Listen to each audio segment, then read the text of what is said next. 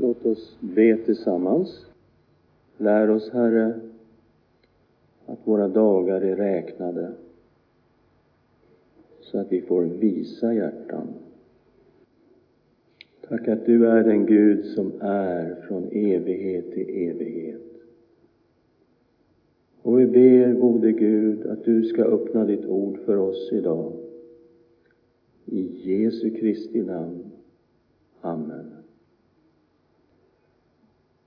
Gud i Gamla och Nya testamentet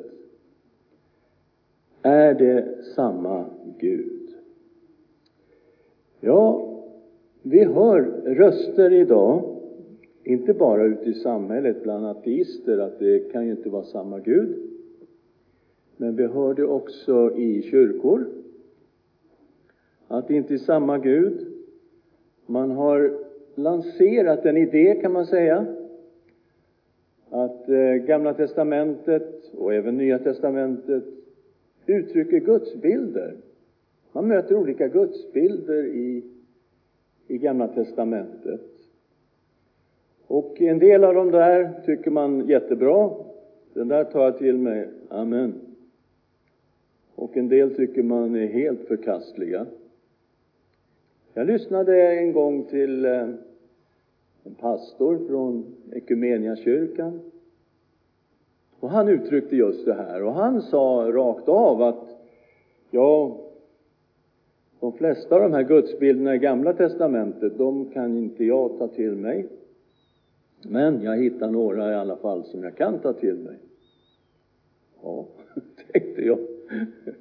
Oj då. Ja. Men om vi ska besvara den här frågan om Gud i Gamla och Nya testamentet är samma Gud, då är det ju ganska klokt att lyssna på vad Gud säger om sig själv. Och när Stefan Gustafsson var här så predikade han över en text ifrån Andra Mosebok kapitel 3, vers 14 läste han. Gud sa till Mose jag är den jag är. Och han fortsatte, så ska du säga till Israels barn, jag är har sänt mig till er. Och det är alltså Guds heliga namn, Jahve, som betyder jag är den jag är. Och Stefan drog ut en del slutsatser ur det där. Gud är en person, han är inte bara en kraft, han är ett jag. Han har en vilja. Han kan kommunicera. Han kan visa kärlek. Han är en person. Han är den som är. Från evighet till evighet är du och Gud, läste Anton i salmen. Jag är. Men eh, han är också den som är den han är, oavsett vad jag vill att han ska vara. Det är ju inte så att Gud ändrar sig bara för att jag har en åsikt om hur han borde vara. Gud är densamme. Han är den han är. Och det är klart att människor har ju alla tider ändrat på Gud och gjort sig avgudar. Det är ingenting nytt. Det läser vi om på många ställen i Gamla testamentet och människorna fortsätter på samma sätt idag.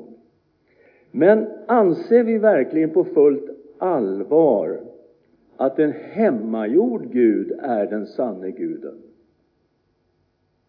Nej, det går ju inte.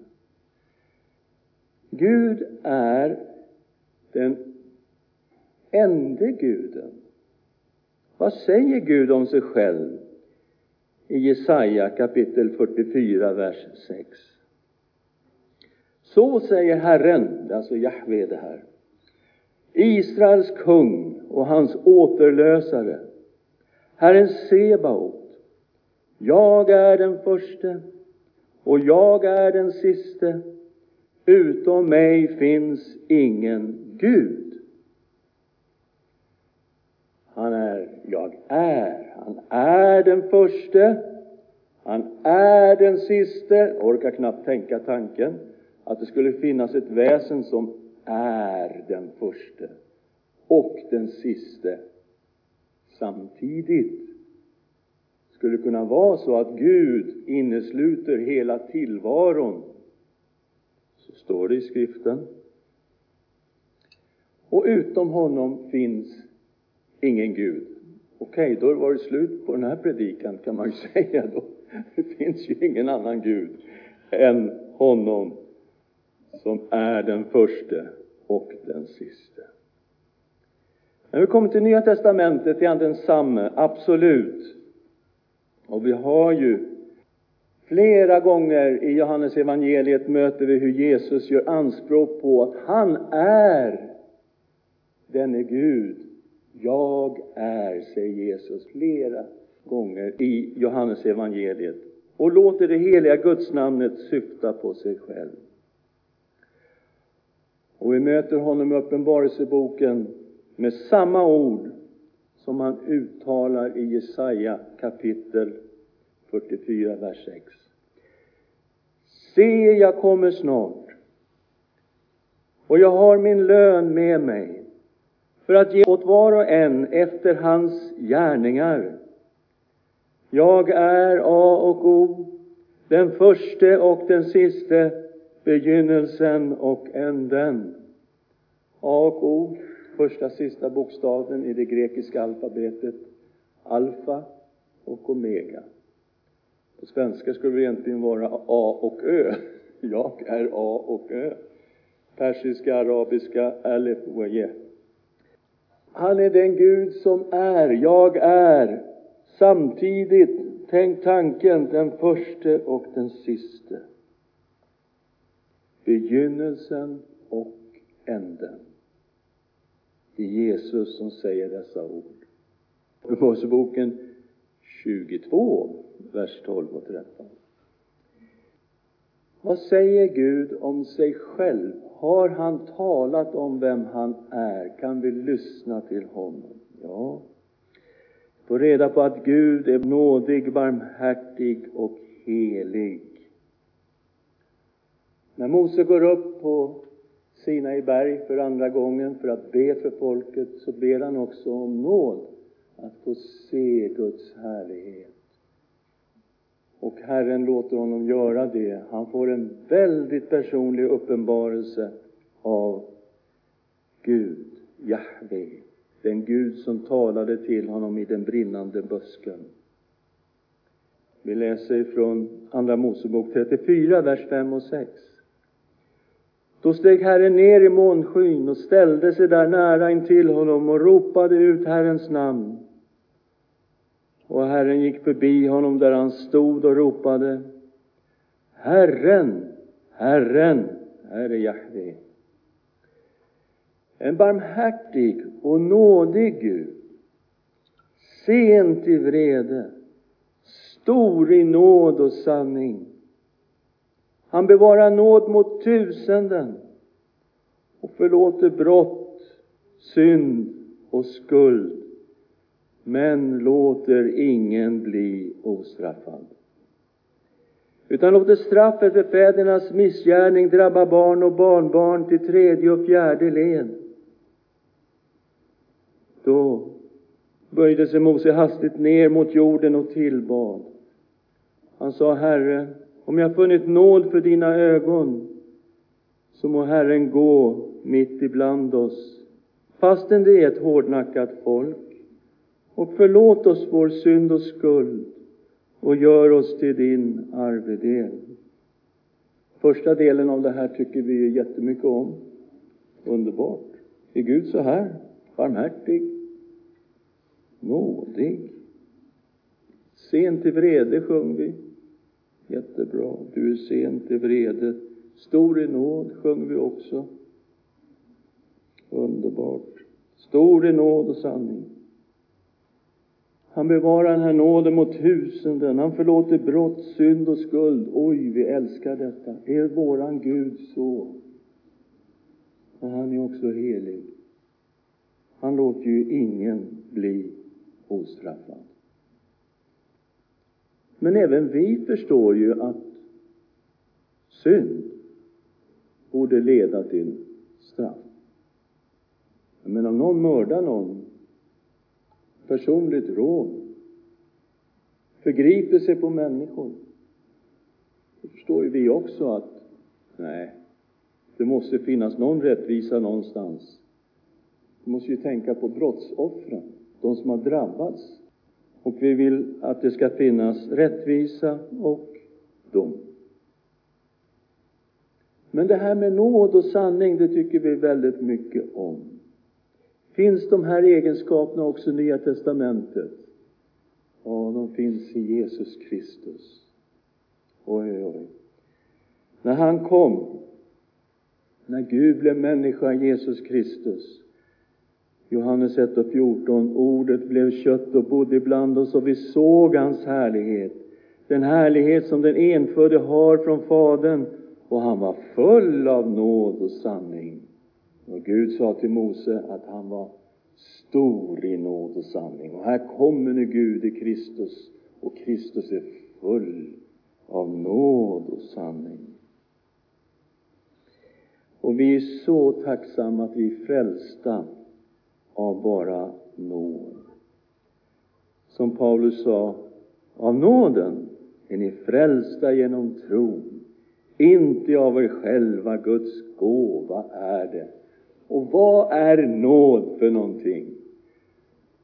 Nåd är någonting som Gud ger till människan, men vi förtjänar det inte alls. Det är nåd. Av nåd är ni frälsta.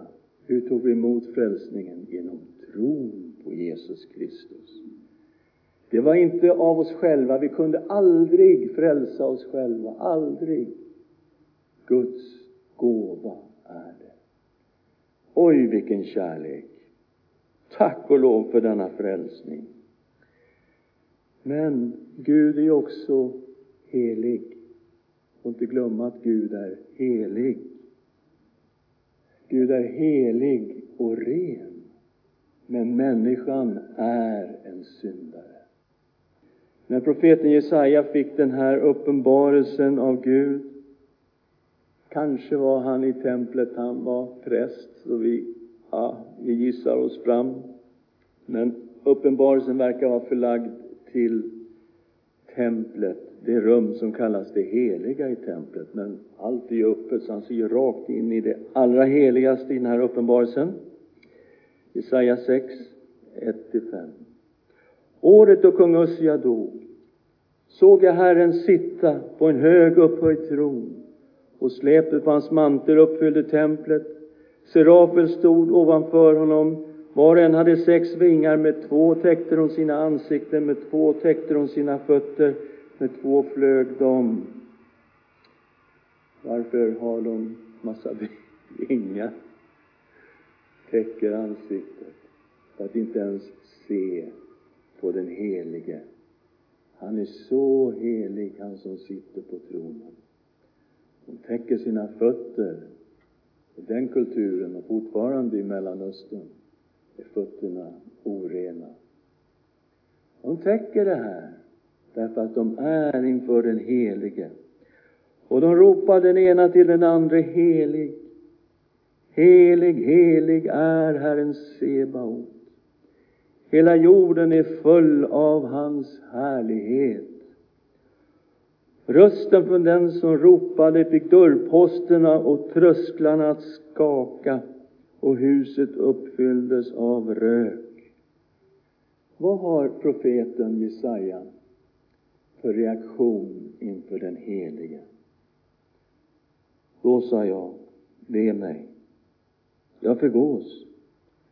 För jag är en man med orena läppar. Jag bor bland ett folk med orena läppar. Och mina ögon har sett kungen, Herren Sebaot. Han upplevde direkt sin synd. Jag är oren. Jag har sett Gud.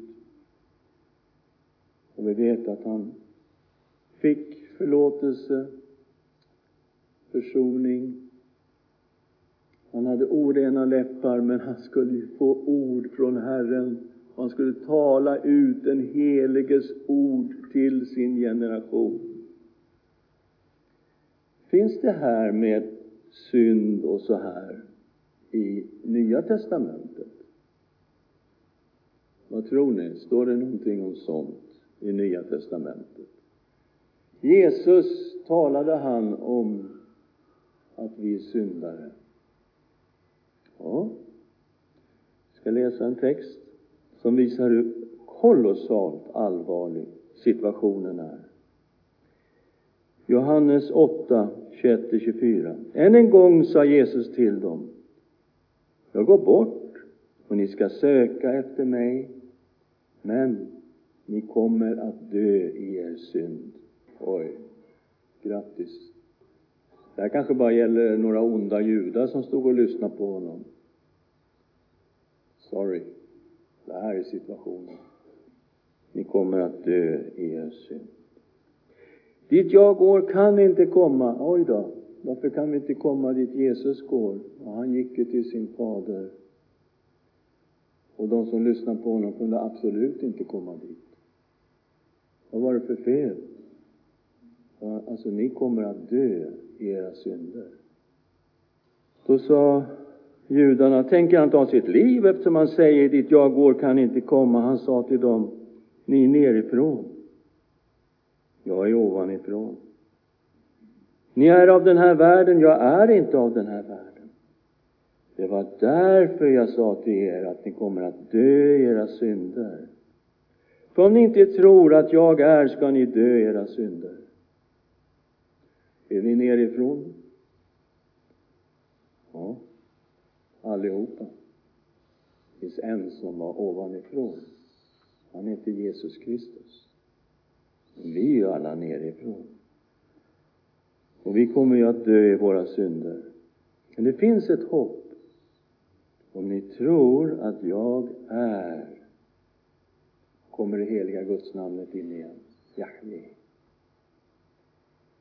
Om ni tror att Jesus Kristus är den han är, då finns det hopp.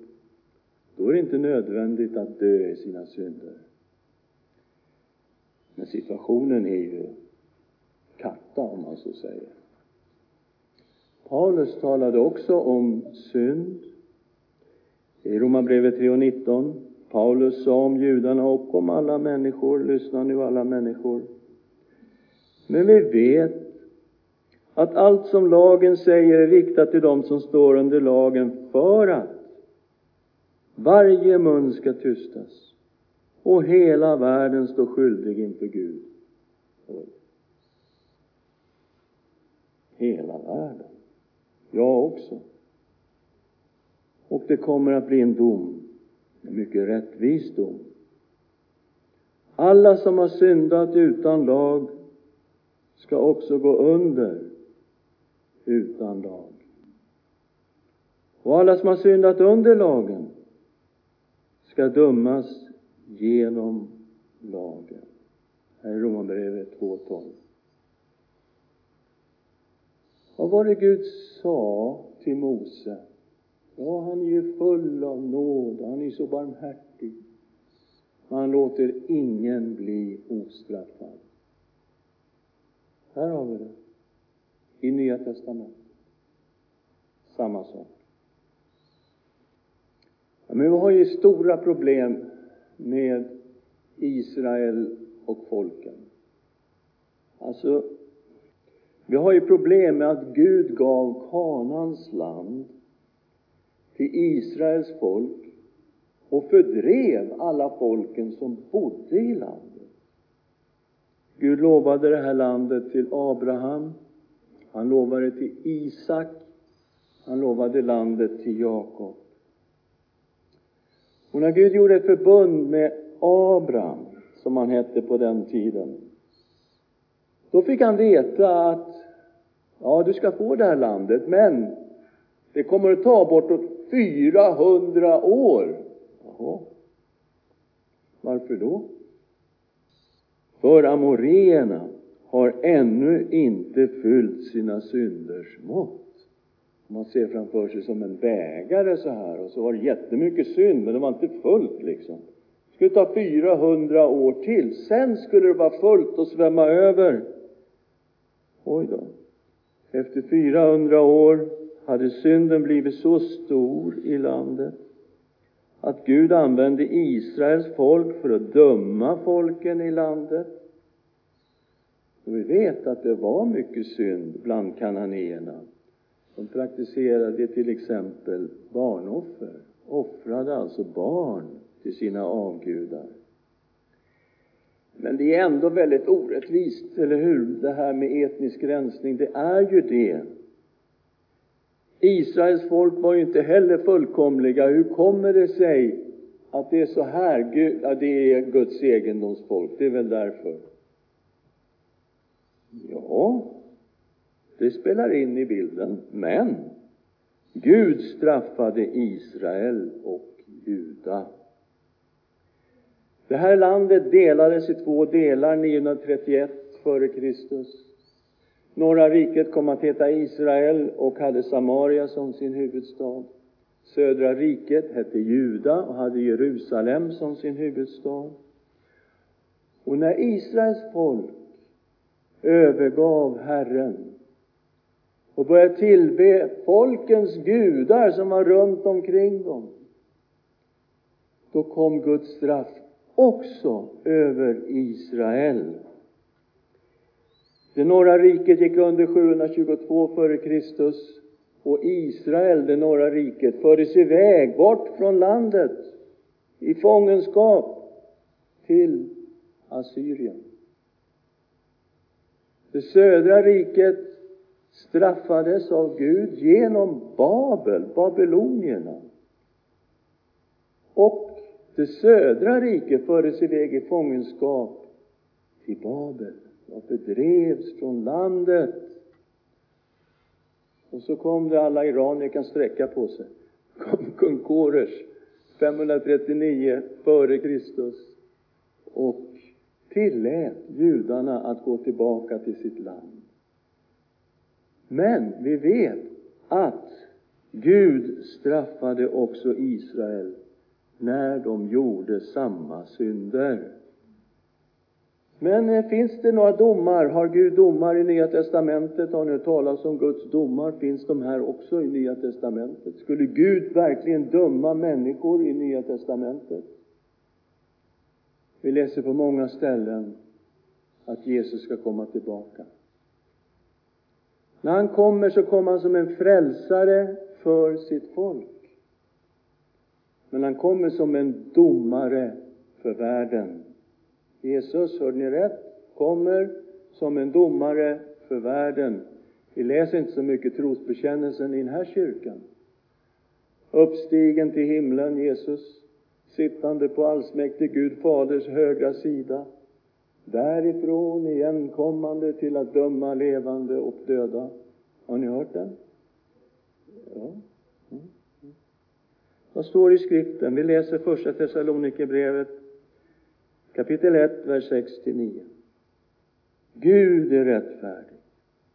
Han straffar med plågor dem som plågar er och låter er som plågas få lindring tillsammans med oss. Det sker när Herren Jesus uppenbarar sig från himlen med sina mäktiga änglar i flammande eld och straffar dem som inte vill veta av Gud och de som inte lyder vår Herre Jesu evangelium. De ska straffas med evigt fördärv, skilda från Herrens ansikte och hans härlighet och makt. Oj, stod det här i Nya testamentet? Ja. Jesus talade själv om den slutliga domen. När han ska samla alla folk och skilja fåren från getterna. Och Han sa getterna, de kommer gå iväg till den eviga elden som är tillrädd åt djävulen och hans änglar.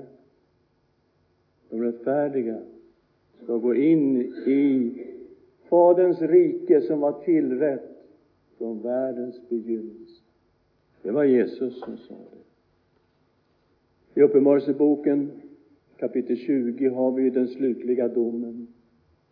Alla folk, i alla tider, ska stå inför Gud. Böcker ska öppnas. Och alla människor blir dömda. Vad sa Gud? Han låter ingalunda någon bli ostraffad. Det är några som inte straffas. Det är de som är skrivna i Livets bok. De får frälsning. Vad är det för bok? I Kapitel 21 får vi reda på att det är Livets bok som tillhör Lammet, Jesus. Alla som har tagit emot Jesus som sin Herre och Frälsare får sina namn skrivna i Livets bok och får vara med om den eviga härligheten. Kapitel 21 och kapitel 22 i Uppenbarelseboken. En ny himmel och en ny jord. Vi får vara med. Men det som krävs är ju att man är skriven i Livets bok som tillhör Lammet. Ja, jo, det står om domen också i Nya Testamentet. Det gör det ju. Jag tror vi kan säga, när vi börjar läsa Bibeln som en helhet, att Gud är densamme i Gamla och Nya Testamentet. När Paulus står i Aten så talar han till människor som inte vet någonting om Gamla Testamentet eller Gamla Testamentets Gud eller något sånt. Men han talar till dem på ett sätt, en text som skulle vara tagen rakt ut ur Gamla Testamentet. Verkligen. Så här säger han, Apostlagärningarna 17, vers 24-28. Gud är den Gud som skapat världen och allt som finns i den. Han som är herre över himmel och jord bor inte i tempel gjorda av människohand. Han låter sig inte heller betjänas av människohänder som om han behövde något. Han som åt alla ger liv och anda och allt. Av en enda människa har han skapat alla människor och folk till att bo över, över hela jorden. Och han har fastställt bestämda tider och gränser inom vilka de ska bo. Det gjorde han för att de skulle söka Gud och kanske kunna treva sig fram och finna honom.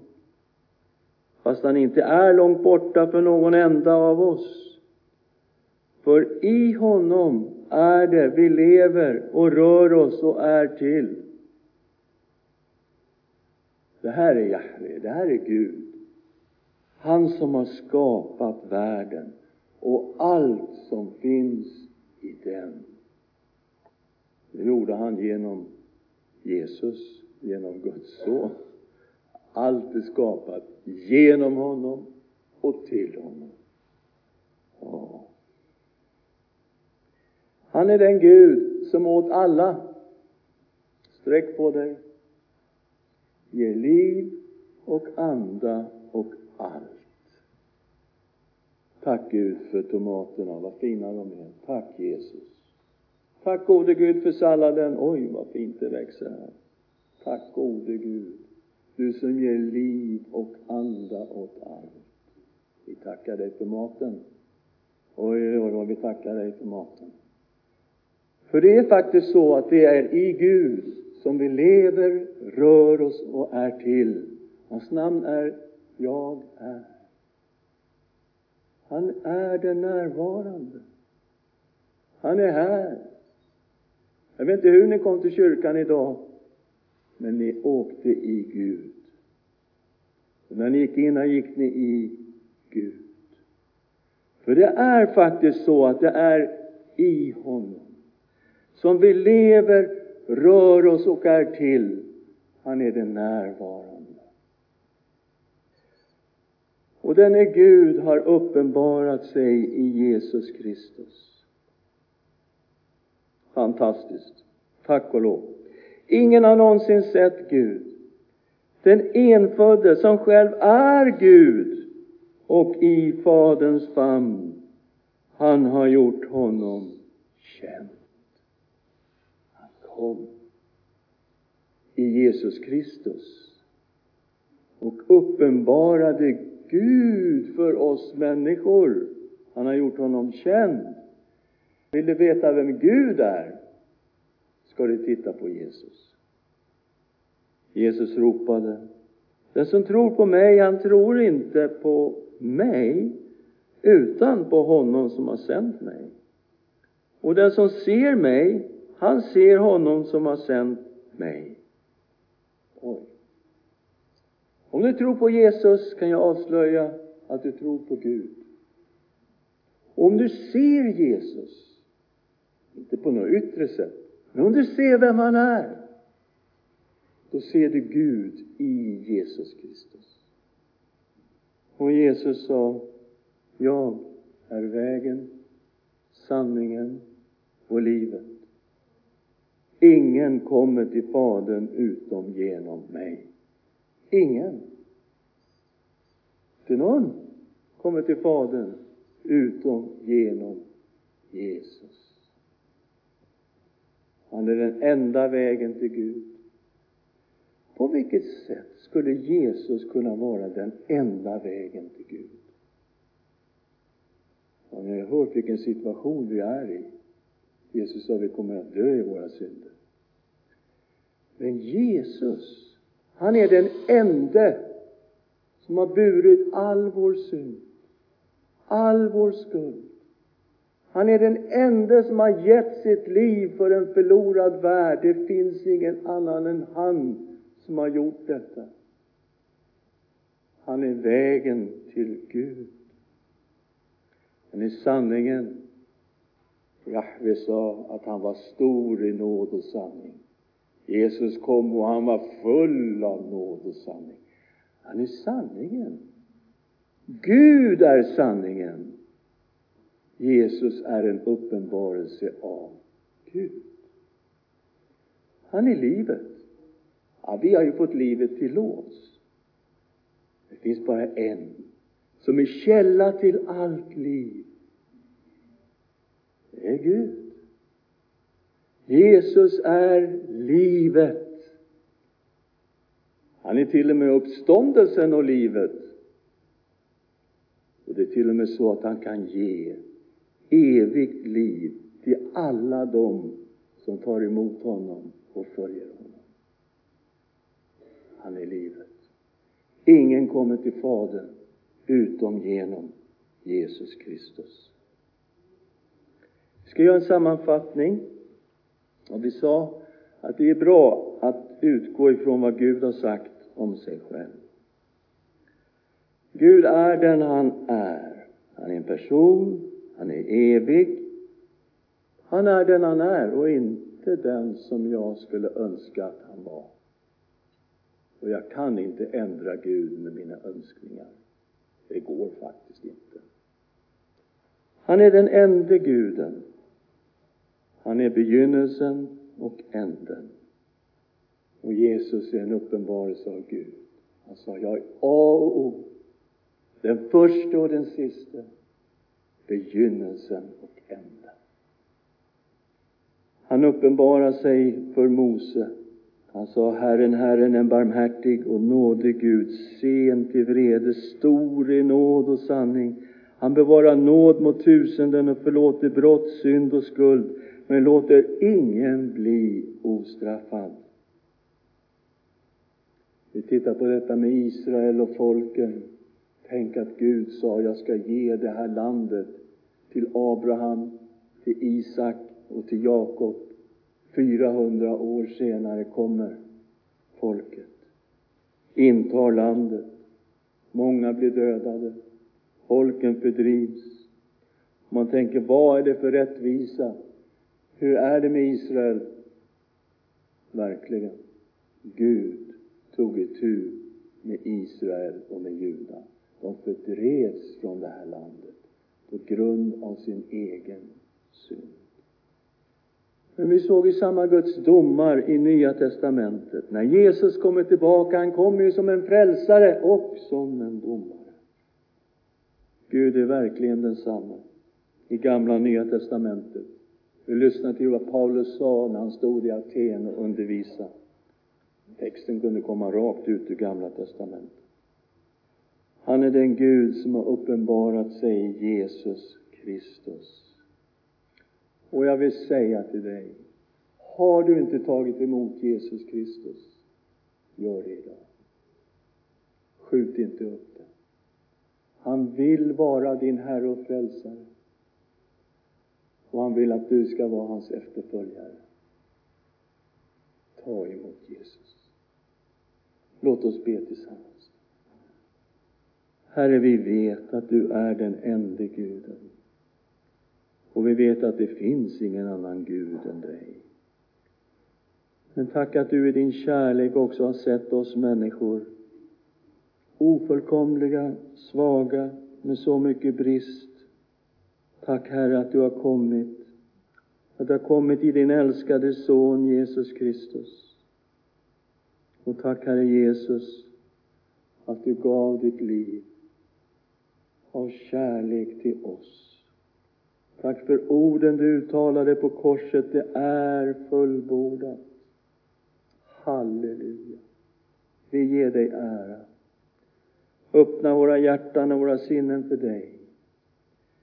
Herre, du ska vara vår Herre, du ska vara vår frälsare och vi vill vara dina efterföljare. I Jesu Kristi namn. Amen.